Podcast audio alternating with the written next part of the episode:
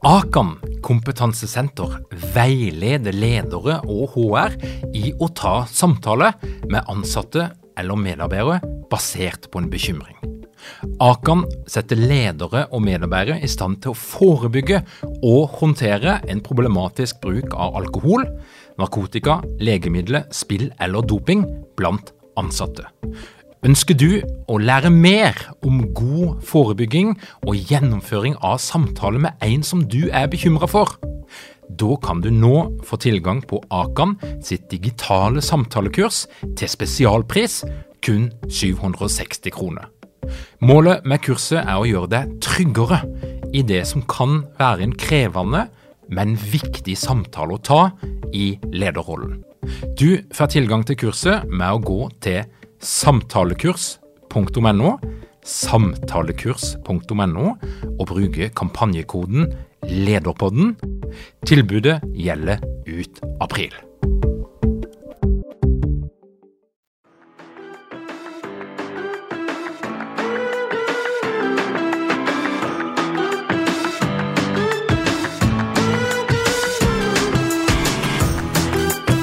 Velkommen til Lederpodden. Mitt navn er Tor Åge Eikerapen. Jeg jobber som organisasjonspsykolog med leder- og ledergruppeutvikling. Og Lederpodden er podkasten der jeg prøver å finne ut hva som skal til for å lede og utvikle fantastiske organisasjoner der folk har det bra og gjør det bra. Hver eneste dag så tar du valg massevis av små valg. De fleste av de er trivielle, det er ikke så viktig om du velger det ene eller det andre. Men er du leder og sitter i ei ledergruppe, så kan du være med på å ta beslutninger som kan få store konsekvenser. For organisasjonen, for menneskene som jobber der, og for samfunnet som dykken er en del av. Og da er det jo dumt at vi mennesker generelt sett er utrolig dårlige til å ta beslutninger, spesielt når vi er i gruppe med andre mennesker. Men fortvil ikke. Nå får du en unik sjanse til å se lyset og lære teknikkene som hjelper deg til å ta bedre beslutninger. Jan Ole Hesselberg han er psykolog, og du har kanskje sett han på TV som en del av Folkeopplysninga eller programmet Typisk deg.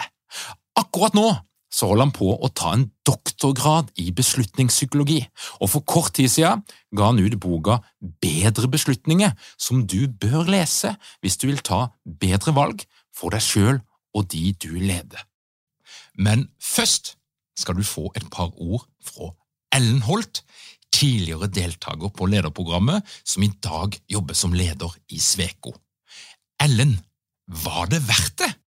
Ja, det er skikkelig kult, faktisk. For den følelsen sitter jeg Det er så eh, tydelig for meg at det her angrer jeg ikke én krone på. Så jeg kjørte jo full pakke. Ambisiøs og personlighetstest og alle moduler. Og jeg har hatt så god nytte av det. Jeg jobber jo med mennesker, Eh, masse mennesker. For jeg jobber også parallelt i mange prosjekter og dealer mye med mellommenneskelige ting og tang. Så jeg har fått veldig mye av lederprogrammet i form av konkrete verktøy. Og jeg satte også veldig pris på de breakout roomsene, hvor jeg fikk eh, på en måte kjørt meg litt da, i kleine situasjoner med andre. Hvor man også får For det første så får du brukt den kunnskapen du akkurat har fått tilegna deg i praksis med andre, og så får du tilbakemelding med en gang. Litt sånn Kan kanskje ordlegge deg annerledes, eller eh, hvordan, hva tenker du om hvordan mottakeren tok dette? Det har vært så gull, for du har fått trent deg. Jeg har også tatt fram liksom kleine situasjoner som jeg ikke har villet snakke om. Og så har jeg tatt det da i breakout rooms og i læringsgruppe. Så jeg har virkelig lært uh, mye om det. Og for min del så handla det jo også om å få en litt sånn uh, å få en litt eh, kunnskapsgrunnvoll da, for eh, ledelsesfaget. Og jeg har fått nyvunnen respekt for at ledelse faktisk er et fag. At det er veldig mange ferdigheter som man kan eh, lære seg. Og som vi har hørt også fram til nå, at det altså er veldig viktig å øve. Så jeg, jeg, har fått masse å øve på, og jeg får praktisert det med en gang. Det har vært så deilig. Velkommen til Lederpodden, Jan Ole.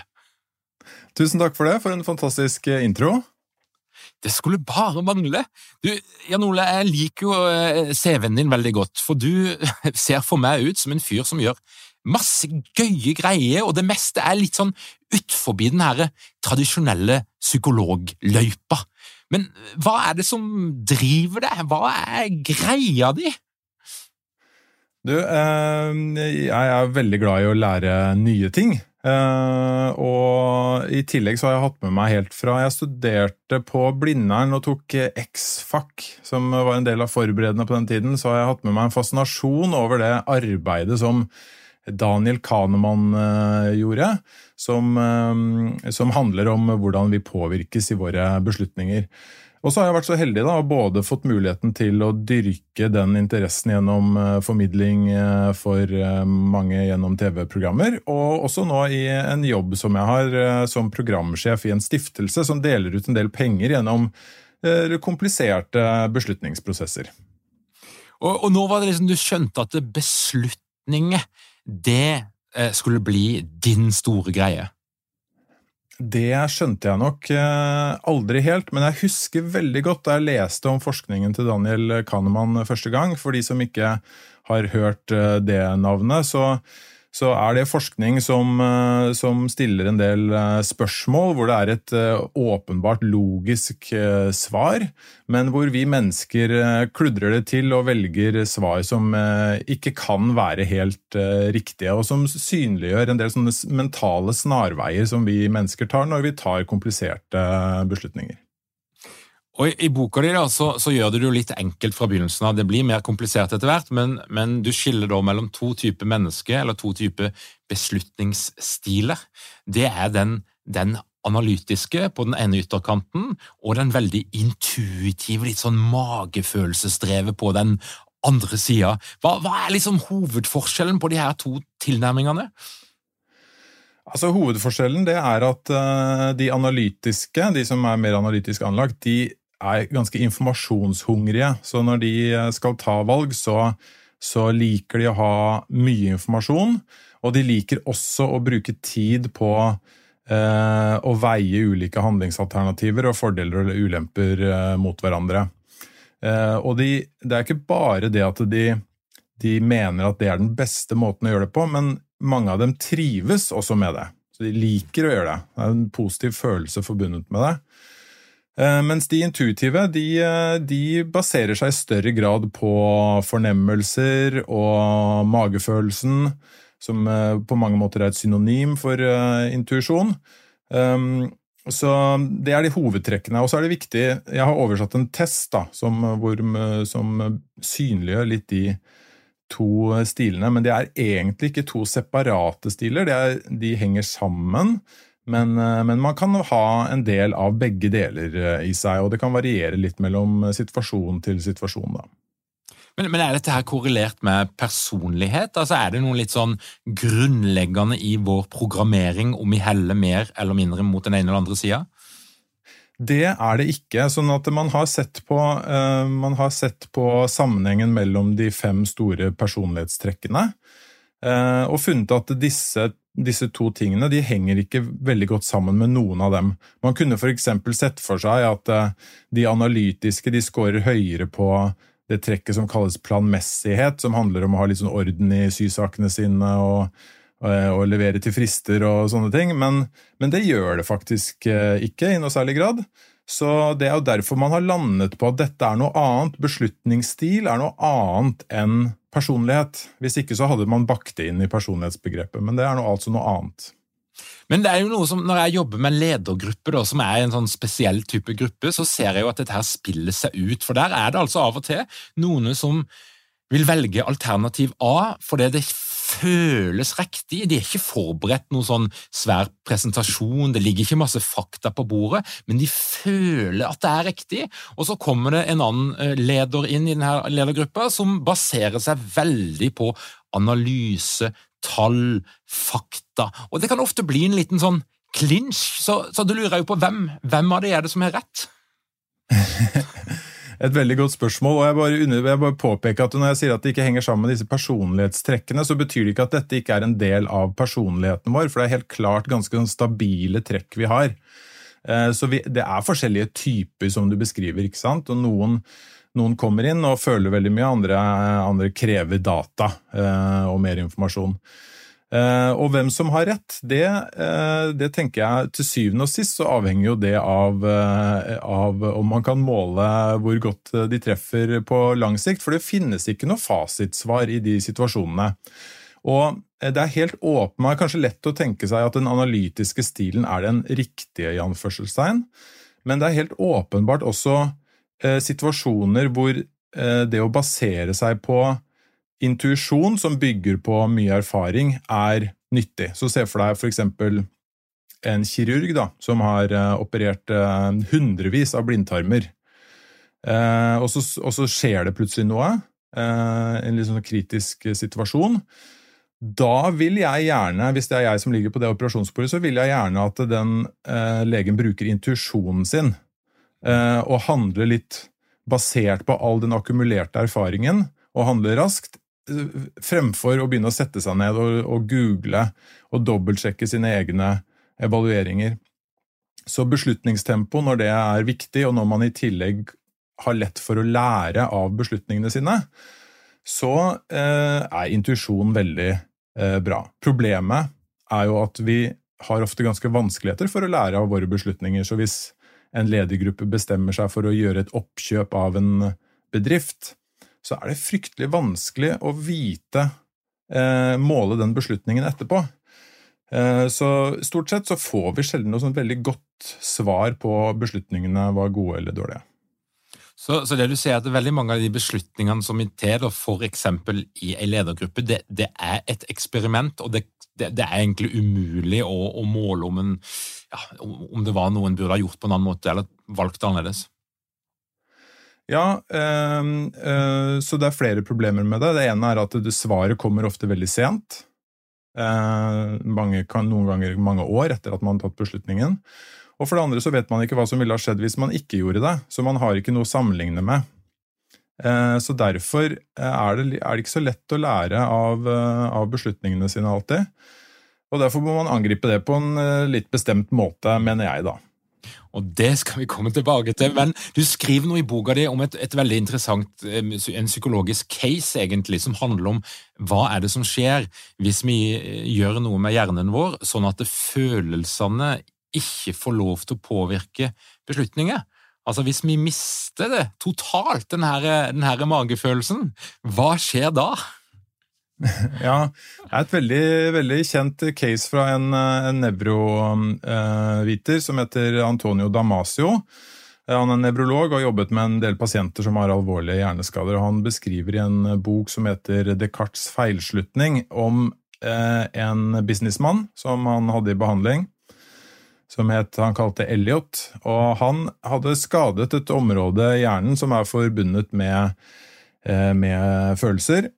Eh, eller han måtte opereres eh, pga. en svulst, og etter operasjonen så hadde han kjempehøy, fortsatt kjempehøy IQ, så han skårte i Mensa-nivå, sånn IQ-messig. Men han var blitt ganske følelsesavflatet. og det førte til at han ikke var i stand til å ta beslutninger. Uh, han klarte ikke å prioritere arbeidsoppgavene sine. Han, han bare satte i gang med oppgaver som kanskje burde vært langt ned på prioriteringslisten. Han, eh, han klarte ikke å foreta enkle valg som f.eks. Eh, hvor man skulle spise middag, eller når han skulle ha neste time med Damasio, fordi han, han satte i gang med uh, massevis av, av for- og imot-argumenter. Så han beholdt på en måte den rasjonelle stilen sin, men han kom aldri i mål. Fordi du trenger på et eller annet tidspunkt så trenger du en eller annen følelsesmessig push som dytter deg i en retning. Fordi eh, for og imot, det kan du holde på med i all evighet hvis du ønsker det. Eh, men du trenger følelsene dine for å gi deg det sparket du trenger eh, for å lande en beslutning, da. Og så er det jo skjedd en del ting i psykologien de siste årene som også påvirker hvordan vi tenker rundt beslutninger. For det er jo sånn at Hvis du som foredragsholder i dag bruker en del eksempler som ligger noen år tilbake på diverse psykologiske fenomener, så kan du risikere å drite deg ganske godt ut. Hvis du f.eks. snakker om speilnevrone eller, ja, det, er, det er ganske lang liste. Men, men kan du fortelle litt, hva, hva, er det som er skjedd her for noe? For det er jo en skal vi kalle det en krise eller en revolusjon, men, men det er altså sånn at veldig mye av det vi lenge gått rundt og trodd var sant om psykologiske fenomener, det viser seg å ikke være fullt så sant. Hva, hva er denne krisa for noe? Nei, altså Det er helt riktig å beskrive det som en uh, krise. Uh, og Jeg jobber jo selv med forskningsfinansiering, og den, den, krisen har virkelig veltet over oss. Det gjelder ikke bare psykologifaget, men det startet på en måte skikkelig der. da. Og det, man, uh, det, det som skjedde, var at man forsøkte å gjøre en del av de klassiske studiene på nytt. Eh, gjerne med flere deltakere og bedre kontrollert. Og så fikk man ikke de samme resultatene. De holdt ikke vann. Eh, og det ballet litt på seg i så stor grad at man satte i gang en kjempeprosjekt hvor man gjorde alle eh, eksperimentene i tre store tidsskrift på nytt fra ett år. Bare for å få en slags baseline på hvor mye kan vi stole på resultatene som vi har fått, egentlig. Og der viste det seg at bare 39% av de funnene Eh, klarte man å få de samme resultatene i. Så det betyr egentlig at hvis du hører om resultatet fra den perioden, altså før type 2012, så, eh, som handler om psykologi, personlighetspsykologi, sosialpsykologi, så kan du være ganske trygg på at du i det minste kan ignorere de resultatene. Det vil jeg si. oh, men, men, kan vi være trygge på det som kom etter? etter 2012? Er det, er liksom, er det, jobbes det på en helt annen måte nå, eller hva har skjedd? Det, du kan ikke det. Altså det, som, det som er utfordringen, da, det er at mange av disse studiene her baserer seg på få deltakere. Eh, og forskerne har ikke på forhånd sagt hva de skal gjøre for noe, så de, de, det er rom for å, å manipulere resultatene. Ikke nødvendigvis bevisst, men det er sånn du sitter med et stort datasett med, med, med masse svar, og så, eh, og så, ser du Da kan du ta en del valg. Du kan si sånn ah, men eh, Menn over 50 er ikke så interessant, egentlig, så hvis vi fjerner de Oi, se der, ja, da ble det plutselig spennende resultater. Og det kan være gode argumenter for å gjøre det. Eh, men problemet er at um, hvis man gjør det, så driver man egentlig ikke med hypotesetesting. Da, da, da, leter man i datasettet sitt, og det er en annen øvelse enn det man uh, sier da, at man, man, gjør. Og det har vist seg å kanskje være det største problemet, så, såkalt datafisking. Og det har det blitt strengere regler for. Så vi som forskningsfinansiør vi krever nå at alle må behørig fortelle i en offentlig database hva de skal gjøre for noe før de setter i gang, så det ikke er så lett å, å endre på det. Eh, så det, kvaliteten blir nok bedre, men det er grunnleggende lurt å være skeptisk til resultater, og spesielt hvis de er spektakulære. Der røyk marshmallow-testen, Milgrams-forsøk, eh, Stanford Prison Experiment og en hel lang liste med ting som jeg regner med Jeg vet at jeg har stått på scenen og snakka om de her tingene som at det var reelt. Har du gjort det samme, eller? Absolutt, det har jeg. Eh, så jeg, det er mye jeg har fjernet fra, fra mine foredrag. Og så endte Typisk deg, en serie med Petter Skjerven som jeg var med på å lage mange, mange, resultater der som virkelig har fått hard medfart uh, etterpå. Og jeg har forsøkt å skrive litt om det, men, men problemet er at da, da, lager du en artikkel da, som kanskje et par tusen mennesker leser, mens det TV-programmet det ble sett av 800 000 eh, stykker. Så, så det, er, det er vanskelig å gjøre opp for seg. Og Hvis vi tenker på beslutninger, da, hvilke av de her feilaktige antakelsene er det som eh, er mest relevant, hvis vi skal snakke om, om det å ta beslutninger? Nei, altså jeg eh, Det er eh, Hvis jeg skal ta, velge det jeg syns er viktigst selv, da, så er det bare generelt at eh, sånne funn som viser at liten, sånn forsiktig påvirkning får ganske store konsekvenser for atferden vår, de er stort sett eh, feil. Så det er veldig mye innenfor det som kalles Nudging? Ja, ja, ikke nudging nødvendigvis, men, men, priming, da, som er et fenomen. Noen har kanskje hørt om sånne studier der hvor du putter en penn inn i, i munnen din, så, sånn at det ser ut som du smiler, og så vurderer du verden som litt, uh, litt morsommere og bedre enn om du ikke gjør det. Eller om du holder en varm kaffekopp, så oppfatter du andre mennesker som varmere enn en ikke. Sånne typer studier de de har virkelig fått hard eh, medfart. Eh, så det bør man, eh, det bør man være skeptisk til. Og så er det en god del som handler om kommunikasjon og kroppsspråk og hvordan det påvirker andre, som også faller litt i, i samme leia. Så, så, store effekter basert på eh, lite påvirkning, det, eh, det bør man være skeptisk til. Og En del av det å ta beslutninger det handler jo òg om å bruke hukommelsen sin. For det Av og til så er det jo fakta som ligger på bordet, men ofte så tar vi jo beslutninger basert på sånn som vi husker en eller annen erfaring. Hva er det vi nå vet om hukommelsen vår som er relevant for alle som skal ta viktige beslutninger? Ja, altså, eh, Vi bruker jo hukommelsen for å gjøre opp status. ikke sant? Så Når vi ser tilbake og skal evaluere vurderinger vi har gjort, så bruker vi hukommelsen og tenker liksom ok, jeg tenkte på det, og så skjedde det, og eh, dette var eh, Jeg gjorde valget på grunn av dette. Så rekonstruerer du et hendelsesforløp som du bruker da også for å eh, tenke noe om hvordan du skal ta beslutninger i framtiden. Problemet med det er jo, som vi lenge har visst, at hukommelsen vår den rekonstruerer. Og den, den kan bomme ganske grovt på hva som er årsakene til hvorfor, eh, hvorfor, vi har gjort sånn som vi har gjort, og hvorfor ting går sånn som de går. Det vet vi fra, eh, vi vet det fra en del pasienter som har fått eh, operert hjernen sin. gjennom, De har kuttet forbindelsen mellom hjernehalvdelene sine. Vi vet at det er fullt mulig å dikte opp helt feil årsaker til hvorfor vi gjør sånn som vi gjør. Og det det, det, bør vi ha med oss når vi skal eh, forsøke å felle dom over våre egne beslutninger. Da bør vi tenke at jeg kan ikke helt stole på mine egne vurderinger. De er ikke, de er ikke helt på trynet, men du bør være grunnleggende kritisk til det når du skal eh, gjøre viktige valg om dine beslutningsprosesser. Mm. Og Da hører jeg jo at hukommelsen det er liksom er en av de tingene som gjør det vanskelig å ta gode beslutninger på riktig grunnlag. Et annet fenomen er jo de her kognitive fellene. Og, der har Du jo, du presenterer jo en, en lang liste. Det er, det er mange feller som gjør at vi fortolker verden litt annerledes enn sånn som man egentlig er, kanskje. Men, men hvis vi da ser for oss ei, ei, ledergruppe som sitter sammen og som skal ta noen beslutninger på vegne av selskapet sitt, strategisk viktig, kan få store konsekvenser for mange mennesker, hva slags type kognitive feller er det som en lett kan gå i i en sånn type setting?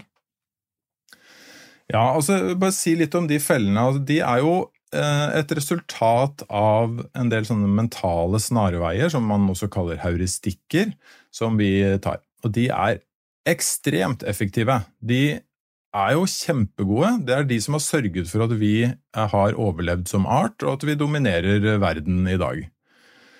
Men de skaper også noen systematiske skjevheter i, i måten vi tar beslutninger på.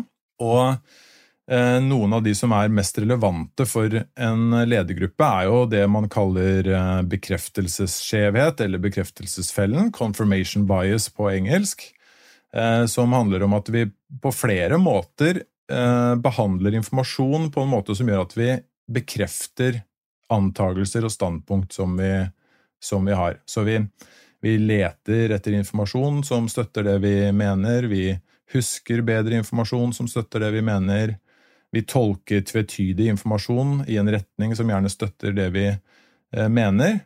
Og de tingene til sammen gjør at, eh, at eh, vi får bekreftet i større grad enn vi burde det vi mener. Så vi søker ikke avkreftende informasjon på en spesielt god måte. Det er utgangspunktet helt greit, men som du sier, når en ledergruppe skal sette seg ned og forsøke å ta gode beslutninger, så er det er kanskje verstingen av de tankefellene vi går i. Og så er det et par fenomener til, da, som er dette med autoritet, for, for, det er jo et gruppefenomen. Og, og hva, er, hva, er, den der autoritetsfella? Den, den, fellen er jo, det tror jeg vi alle sammen har kjent på, det er når man er i en gruppesituasjon, og det er noen som har en åpenbar autoritet overfor de andre. Enten den er formell, sånn at man, man har på en måte høyere rang i, eh, i eh, bedriftshierarkiet, eh, eller den er uformell, og at det bare er en person som har veldig sterk innflytelse på, på en gruppe. Så, så bruker vi litt for mye energi på å tilpasse oss de personene og sense hva de mener. Eh, så fellen består egentlig i at vi følger det den personen eh, gjør i for stor grad, og det eh, stiller jo veldig stort krav til at den personen bør holde seg litt i bakgrunnen så lenge som mulig.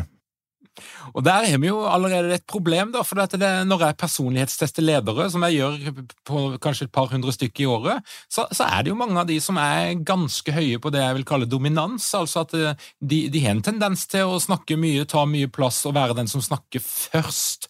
Så det du skisserer her, vil jo være imot veldig mange lederes natur. Altså det å holde kjeft.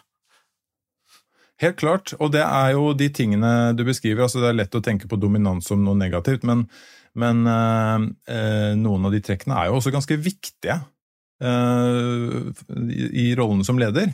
Så du, du, skal jo ha evne til å ta beslutninger og, og, til å kunne lede. Og Problemet med det er jo selvfølgelig at de trekker noen ganger i en litt annen retning akkurat når man skal forsøke å ta veloverveide beslutninger. Så, så, det å lære seg å vite når man skal dyrke de sidene, og når man skal forsøke å dempe de, det tror jeg kanskje er en av lederens viktigste oppgaver. Her er det altså nye ting å trene på, kjære leder, og mer skal det bli. For det at, jeg hørte du snakke på, på NHH sin podkast Lederskap, som jeg bare anbefaler samtidig. Men, og, og, det som fascinerte meg, var jo at det du beskrev der, det, det oppsettet som du altså studerer, som handler om beslutninger knytta til det å dele ut penger til blant annet forskning, det, for meg så ligna det veldig mye på ei ledergruppe. Det, hørtes, det, det, er mye av det samme oppsettet. Og da lurer jeg på, Hva, hva er det som er liksom hovedproblemene som du ser nå i din forskning knytta til det å ta beslutninger i en gruppesituasjon, som for eksempel ei ledergruppe eller en gjeng med eh, eksperter som skal ta beslutninger på hvem som skal få alle de millionene som, som Stiftelsen Dam deler ut hvert år? Ja, altså Jeg kan bare beskrive den situasjonen veldig kort. Altså Vi deler ut rundt 500 millioner til helseforskning og helseprosjekter um, ved bruk av eksperter. Uh, og vi gjør det gjennom søknadsprosesser. Så disse ekspertene de vurderer søknader, og så møtes de for å diskutere de søknadene og, så, og, gjøre revurderinger i lys av den diskusjonen. Og så bruker vi da deres uh, gjennomsnittskarakter som, en, som beslutningsgrunnlaget vårt for å dele ut de pengene. Så det vi i prinsippet får, er jo massevis av uh, beslutningsprosesser som Dere mange ledere uten trening eller utdannelse innen ledelse? Mangler dere en felles kultur og praksis for ledelse? Ønsker dere å være bedre rustet for fremtidig vekst og endring? Da kan et internt lederutviklingsprogram være en god investering. I Execu så er vi eksperter på å designe og gjennomføre bedriftsinterne lederutviklingsprogram. Hvis du ønsker å lære mer om hvordan vi kan hjelpe dykken til å få enda bedre ledere, ta og klikk deg inn på execu.no.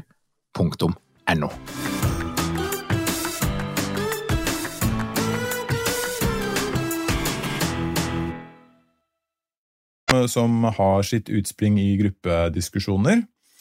Og vi kan måle en hel haug med ting om hva som skjer, og hvem som påvirker resultatene, og hvem som får størst innflytelse. og ja, og det, eh, det, vi ser, eh, og det forskningen viser i andre sammenhenger også, det er jo at det er noen får uforholdsmessig mye å si for utfallet. noen, Det er jo ikke overraskende. Ikke sant? Noen tar plutselig plass, selv blant professorer innenfor et visst område, hvor alle egentlig burde ha masse myndighet. Så danner det seg et slags hierarki, da. Så det er en utfordring. Og så er det en utfordring at, at man egentlig ikke ender opp så mye med å diskutere substans. Så hvis man har en søknad, da, så handler plutselig ikke diskusjonen alltid så så mye om selve innholdet i søknaden og kvaliteten på den, men den handler om meningene til de som skal vurdere søknaden. Så de sier 'dette er en god søknad', jeg synes den burde få penger. Og det er jo egentlig helt uinteressant informasjon for de andre. De andre burde få vite hvorfor er det du mener den er god. Hva er dine argumenter for og imot denne søknaden? Og så kan de bruke den informasjonen for å gjøre egne vurderinger. Så vi har jobbet veldig mye med å strukturere den, eh, de gruppeprosessene. Eh, og vi måler da endringer i vurderinger før og etter for hvert enkelt medlem i gruppen for å se hva, hva som skjer med de eh, vurderingene. Og det har vært veldig nyttig. Endelig er vi klare. Påmeldinga til høstens utgave av lederprogrammet er nå åpna. Vi snakker om tolv uker, to fysiske samlinger, seks digitale ekspertmoduler og læringsgruppe der du møter andre ledere. Du blir inspirert, du får oppdatert kunnskap, praktiske verktøy og innsikt som forandrer. Lederprogrammet er for deg som vil være best mulig rusta til å møte og skape endring, som tør eksperimentere med ny atferd og nye metoder. Du kan melde deg på i dag på lederprogrammet.no.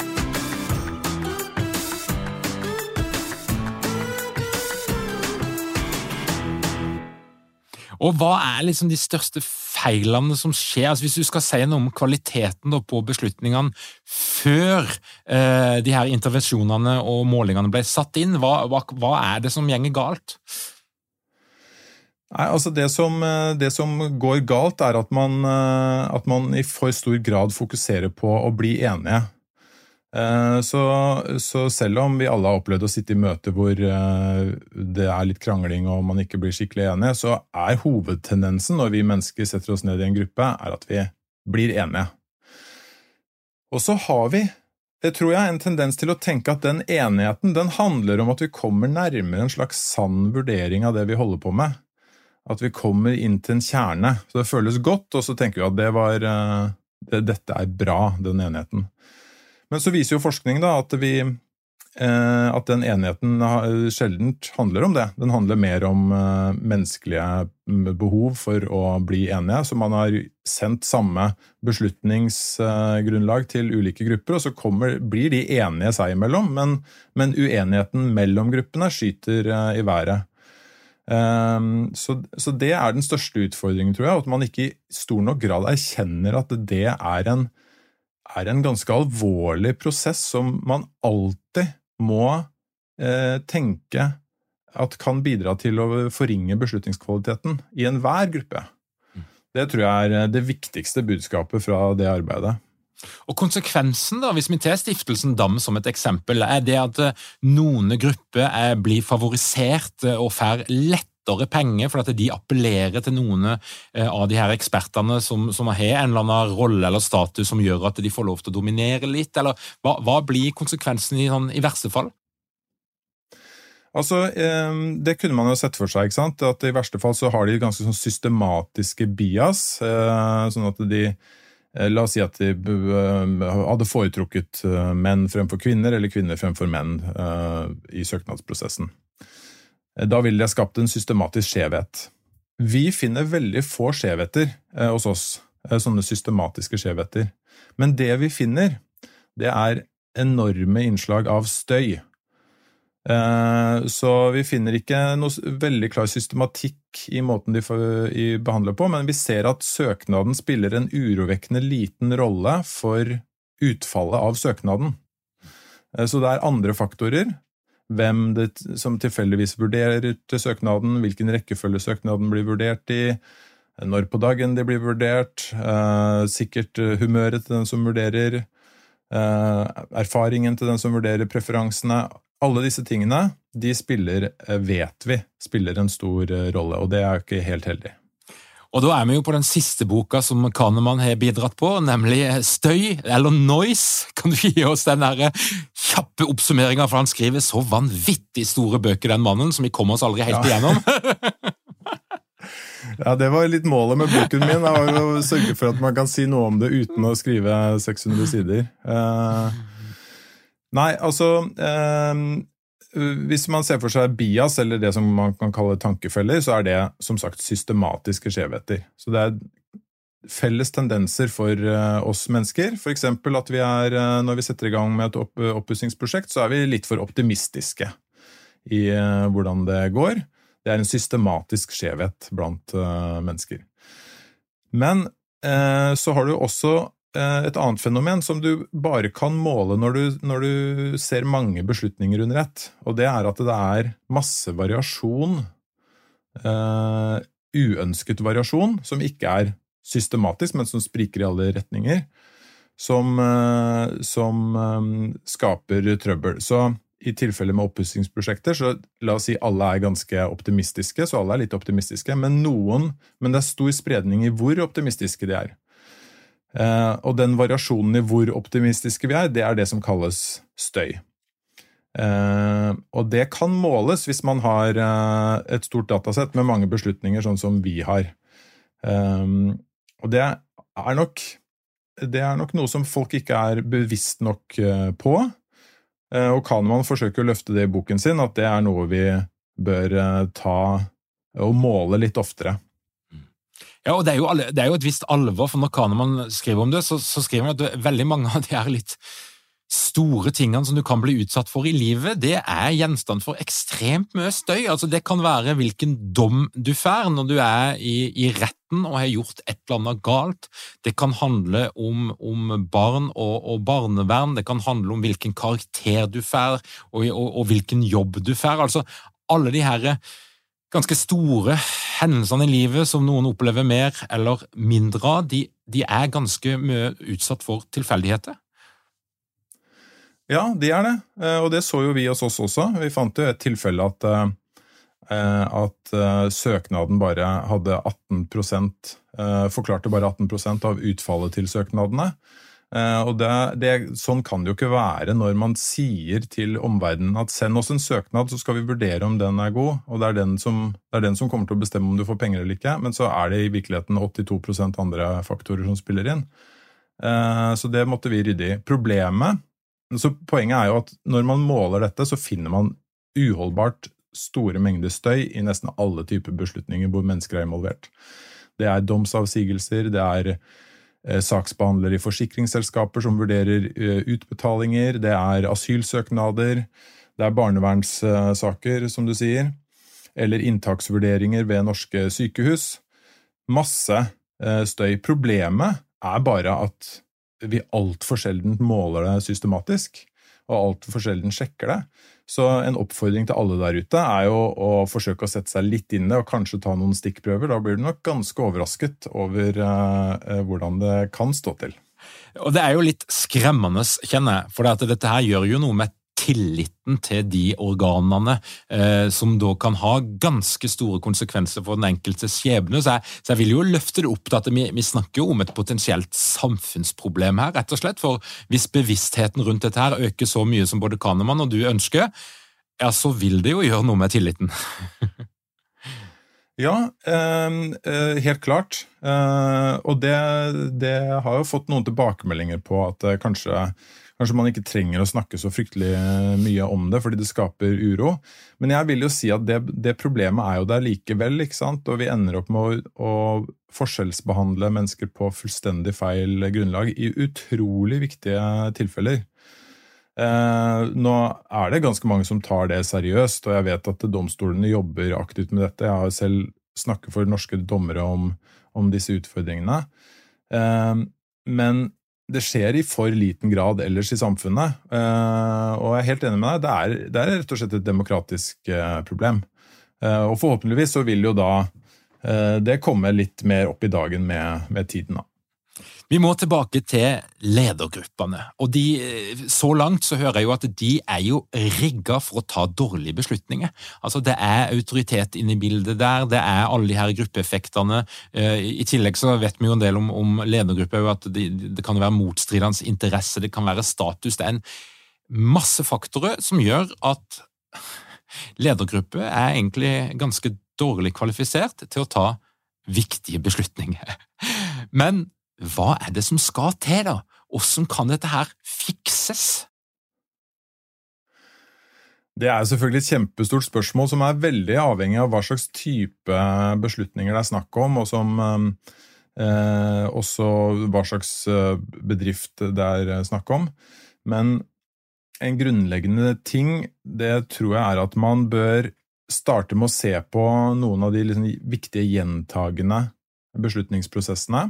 Det kan være sant, I et styremøter har de aller fleste bedrifter måten man tar beslutninger i styremøter på, eller beslutninger om hvilke saker som skal løftes til styremøtene. Eh, og man har, eller andre eh, beslutninger som tas jevnlig, og ofte som er en kjernebeslutning i bedriften. Sånn som hos oss, så er jo søknadsbehandlingen det er kjernebeslutninger. Å ta tak i de og se på Eh, se på ikke minst de situasjonene der mennesker møtes i grupper. Strukturere viktige møter på en god måte. Kanskje ha en møteleder som ikke er lederen i bedriften.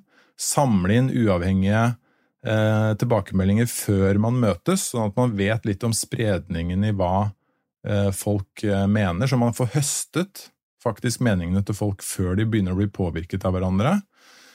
Eh, og også ikke minst ha et system for å måle noen av de viktigste beslutningene, for å kunne fange opp sånne ting som støy eller systematiske skjevheter, som, eh, som gjøres eh, litt for sjeldent. Og så er det jo, bare for å legge til det, så er det jo utrolig viktig, eh, som man sier til det kjedsommelige, å skape en kultur hvor det er mulig å komme med innvendinger og kritikk uten at, uten at man blir sablet ned. Det er lettere sagt enn gjort. Der kom den psykologiske tryggheten inn i bildet, for den, den leita jeg litt etter. men, men, men, er det noen sånne teknikker, da? For, for, for, eh, en sånn sentral ting er altså at eh, folk har en tendens til å ha én mening før de gjenger inn i rommet sammen med de andre. Og det kan være en ganske fornuftig mening, men så er det altså en tendens til at den meninga vil forsvinne eller bli mer lik de andres mening så fort du kommer inn i rommet, eller noe helt annet, som er polarisering. Mm. Meninga blir mer ekstrem. Ja. Og, og, og, hvordan kan vi deale med de her tingene? Altså, hvordan kan, kan vi få fram de der rene, ubesudla, subjektive meningene før de blir ødelagt av gruppedynamikken? Nei, jeg tror som sagt noe av det viktigste man kan gjøre når man skal ta viktige beslutninger, er å samle inn de på forhånd. Så La oss si at du skal uh, gjøre en vurdering i et møte. Du har et konkret spørsmål. Skal vi gå for dette oppkjøpet eller ikke, f.eks. Uh, da å samle inn uh, meningene til folk før det møtet, at du gir en møteleder eh, det i oppgave å samle inn det. Da sitter da blir alle litt forpliktet til å dele hva de tenker, uavhengig av at de har blitt påvirket av andre. Og så gir du den informasjonen til en person som da vet litt om, eh, om bredden i hva folk eh, mener. Og så Når man setter i gang eh, gruppediskusjonen, da, så har du en som vet litt eh, hva som ikke blir sagt. Da kan den personen se hva som ikke blir sagt, og det er jo kanskje den største utfordringen i møter, at det er så utrolig mye som ikke blir sagt. Og jeg har gjort noen undersøkelser blant, eh, blant norske ledere hvor, eh, hvor, en stor andel sier at de eh, i, i sine ledergrupper holder tilbake informasjon. Også, blant annet fordi de tror at innspillene ikke er smarte nok, at, de, at andre har tenkt på det samme. Ehm, eh, eller at de ikke ville bli oppfattet som, eh, som kranglefanter. Så dette er det er den største trusselen, at informasjonen blir holdt tilbake, og at man dyrker den informasjonen man er enig om. og Da kan man havne i den polariseringsfellen som du ender, hvor man blir enda mer ekstrem enn det gjennomsnittet i gruppen i utgangspunktet eh, skulle indikere. Men det, det, det, å stå alene eh, med et standpunkt i en gruppe altså For det er noen ledergrupper som er inne i, så er det, det kan handle om faglig bakgrunn og forankring, kan være andre ting. Men, men, av og til så er det jo noen som da i kraft av sin bakgrunn og hvem de er, vil ha en tendens til å bli stående alene med sitt syn og sin mening. Og Da er vi inne på det litt sånn hardcore psykologiske. altså Hvordan er det for et menneske å gjentagende være alene om sitt synspunkt? Ja, det er jo, det er jo ekstremt krevende. Eh, og det er jo en egen personlighetstype som på en måte takler det. Det er ikke alle som takler det, det er veldig få takler det eh, spesielt godt. Og det handler jo om at vi mennesker er så veldig sosiale dyr, er veldig avhengige av andre mennesker. Så vi skal også tilpasse oss andre, og vi skal ikke tåle det så godt. Ehm, så det, den store utfordringen det blir jo å klare å gi tilbakemelding til de som blir stående på siden med sin, eh, sin, ehm, sine meninger, om at det eh, eh, det ikke skal få andre konsekvenser, og at det er en verdifull posisjon å ha også. Ehm, det tror jeg alle har fått med seg at det er viktig. Mm. Men jeg tipper at din erfaring er at uh, det er ganske mange som ikke gjør det likevel. Uh, og at det er mangelvare, og at det er ganske vanskelig å få til på en skikkelig god måte. Mm. Ja, for, for, for, konsekvensen er jo allikevel at kjøttvekta gjelder på en måte. Sant? Sånn at Selv om vi setter pris på avvikende synspunkter og syns det er verdifullt og det, det tilfører noe uh, perspektivmangfold, så vil jo beslutninger gå i den retninga som flest støtter som regel. Mm. Det vil jo det, og det er på mange måter så det er jo sånn det skal være også. Eh, da, da må man likevel klare å ivareta at uh, fornuftige mennesker kan komme til ulike konklusjoner om samme spørsmål. Så at det er hårfint noen ganger. Uh, og svarene er aldri enten-eller. Det er mange ulike faktorer som trekker i ulike retninger, og som kan tolkes på ulike måter. Uh, så man må forsøke å ikke skape en kultur der noen på en måte vinner diskusjonen, og andre taper. Eh, denne ledergruppa som, eh, som, Hvis vi ser for oss at du skal gå inn og gi litt sånn råd eller opplæring til ei ledergruppe, så hører jeg jo nå nummer én det er jo noe med den psykologiske tryggheten. Den, den, er, den er, vi enige om at der, der, må det være et eller annet. Og så snakker du om noe strukturelt når det gjelder det å ta store beslutninger. At det å gi meninga si eh, uten at du er i gruppesettinga, kan være effektivt. og jeg vet jo at Noen, bl.a. Eh, Bang og Middelfart, som, som, jobber mye med ledergrupper, de har jo denne greia med å, å, å, skrive ned. altså Før du skal tilkjennelig et eller annet, skriv det ned. Eh, sånn at ikke du venter på å høre hva de andre har sagt, mm. før du forteller din erfaring eller hva du mener om et eller annet. Er, er det andre ting som du ville trent ei ledergruppe på, hvis du skulle liksom gjøre de til betydelig bedre beslutningstakere? Um, nei, altså uh, Bare for å fortsette litt på det med grupper, så tenker jeg også, bare for å illustrere hvordan vi gjør det hos oss, så samler vi inn informasjon før de kommer i møte, så vi vet hva de mener. Vi leder det møtet på en strukturert måte. Og vi, vi har et slags forbud også, i, i en periode i alle fall, mot konklusjonsprat. Så folk får ikke lov til å, å si hva de mener beslutningen bør bli. De får lov til å komme med argumenter for og mot ulike sider, men de får ikke lov til å si jeg mener dette er en god søknad, eller jeg gir denne søknaden karakter 6, f.eks. Det får de ikke lov til å si. Før det nærmer seg slutten, da. Eh, så det bør man også ha litt i bakhodet, at man må dele opp eh, diskusjon i litt ulike faser. Man bør ha, en, ha argumentasjonsinnsamling og undring, spørsmål, kritiske spørsmål, før man lander.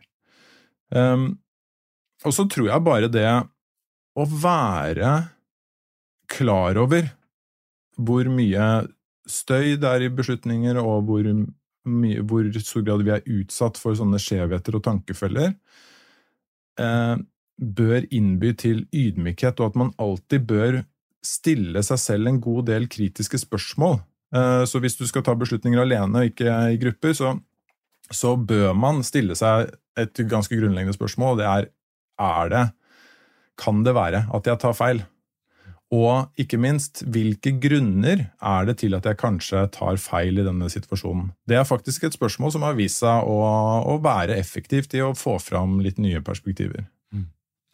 Eh, det er jo noen som snakker om. Kahneman hevler jo en greie på dette her med å, å hva, hva, er det han kaller for noe? Altså dette her med å lære av feil som du ikke har gjort. Mm. det, det, er jo en sånn, er, er, det noe som praktiseres her? Altså, eh, det, kan, det, hører kanskje ikke helt hjemme i stiftelsen DAM, men, men, det å se for seg hva er det som kan gå galt, og hvordan vil det oppleves? Absolutt. Er, den har litt forskjellige navn, den øvelsen. her. Det kalles eh, av en eller annen veldig merkelig grunn dialektisk bootstrapping. Eh, eller eh, kan også gjøres på en annen måte som kalles eh, pre-mortem. At, at, man gjør en øvelse der man ser for seg at alt går til helvete med den beslutningen man har tatt. Og så samles man, ser for seg at man samles om et år og bare gjør opp status på alt det som gikk gærent. Mm. Så det å forsøke Alt dette handler om å bare innta nye perspektiver som gjør at du klarer å grave etter avkreftende informasjon. Mm. Uh, reframing kalles det gjerne også. ikke sant? Omformuler omformulere spørsmålet sånn at du får fram nye, nye sider. Og det er enkle øvelser. Det, det er, argumentet om at det tar så mye tid, det er for dårlig. Det trenger ikke ta mye tid i det hele tatt, men det må, må settes av litt tid til det. Jan Ole, hvis du kunne velge et hvilket som helst beslutningsorgan i verden, det kan være et styre, det kan være en forsamling, det kan være en ledergruppe, hvilket som helst beslutningsorgan i verden der du skulle få lov til å komme inn, trene de, jobbe med strukturen og sørge for at eh, de har en måte å jobbe på som gjør at de tar best mulige beslutninger. Hvor skulle det ha vært? Altså øh, jeg bare, jeg må, Det åpenbare svaret burde jo være domstolen. ikke sant? At uh, der, der, der, er beslutningene så utrolig viktige. Så det skulle jeg veldig gjerne ha uh, jobbet med. Men men kanskje sånn umiddelbart og mer realistisk er drømmesituasjonen er å jobbe med et stort forsikringsselskap. fordi det er så utrolig mange data som det er mulig å hente, og du kan sette ulike saksbehandlere på samme eh, saker. Og så kan du eh, veldig enkelt å måle både skjevheter og støy i de beslutningene. Og så er det jo viktige beslutninger på vegne av både selskapet og de personene som søker om, eh, om forsikring. Så, så, jeg klør i fingrene etter å, å sette meg ned med med noen i noen store forsikringsselskap. Og det har jeg også hatt muligheten til å gjøre i noen situasjoner. Ja, gøy. Du, det, hvis du ser litt sånn tilbake nå, eh, hva er det som har overraska deg mest? Altså Hvis du tenker noen år tilbake, før du virkelig dykka inn i dette feltet, sånn som du gjør nå når du skriver en doktorgrad og, og finleser, eh, hvilke overraskelser er det som, som du har møtt?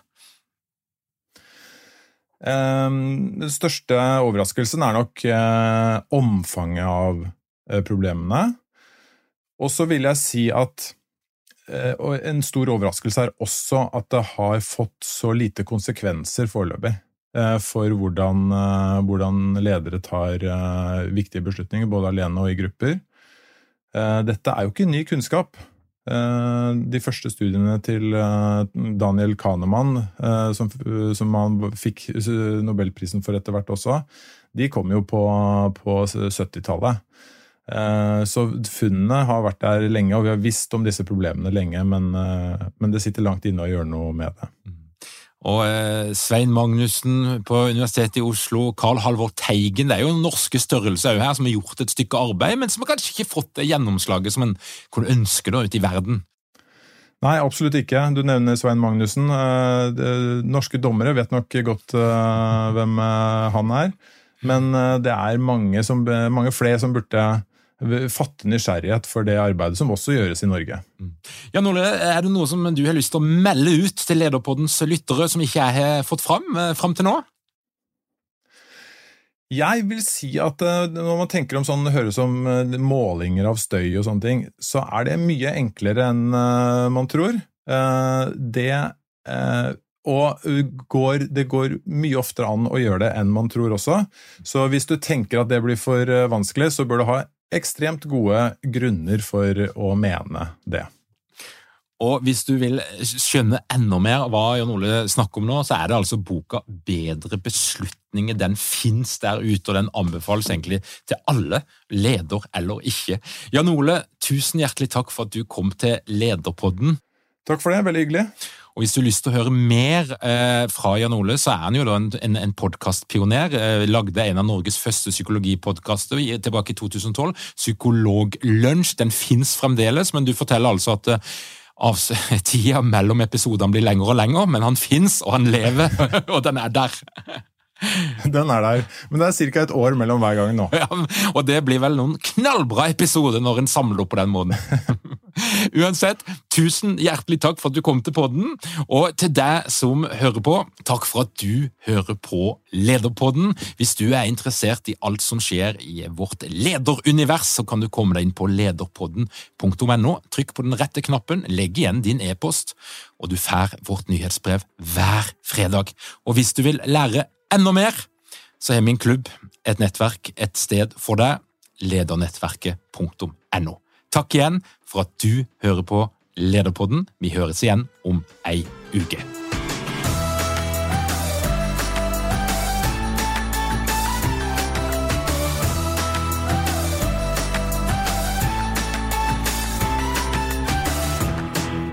Lederpodden er gitt til deg av Execu. Vi tilbyr leder- og ledergruppeutvikling som gir effekt. Les mer på execu.no.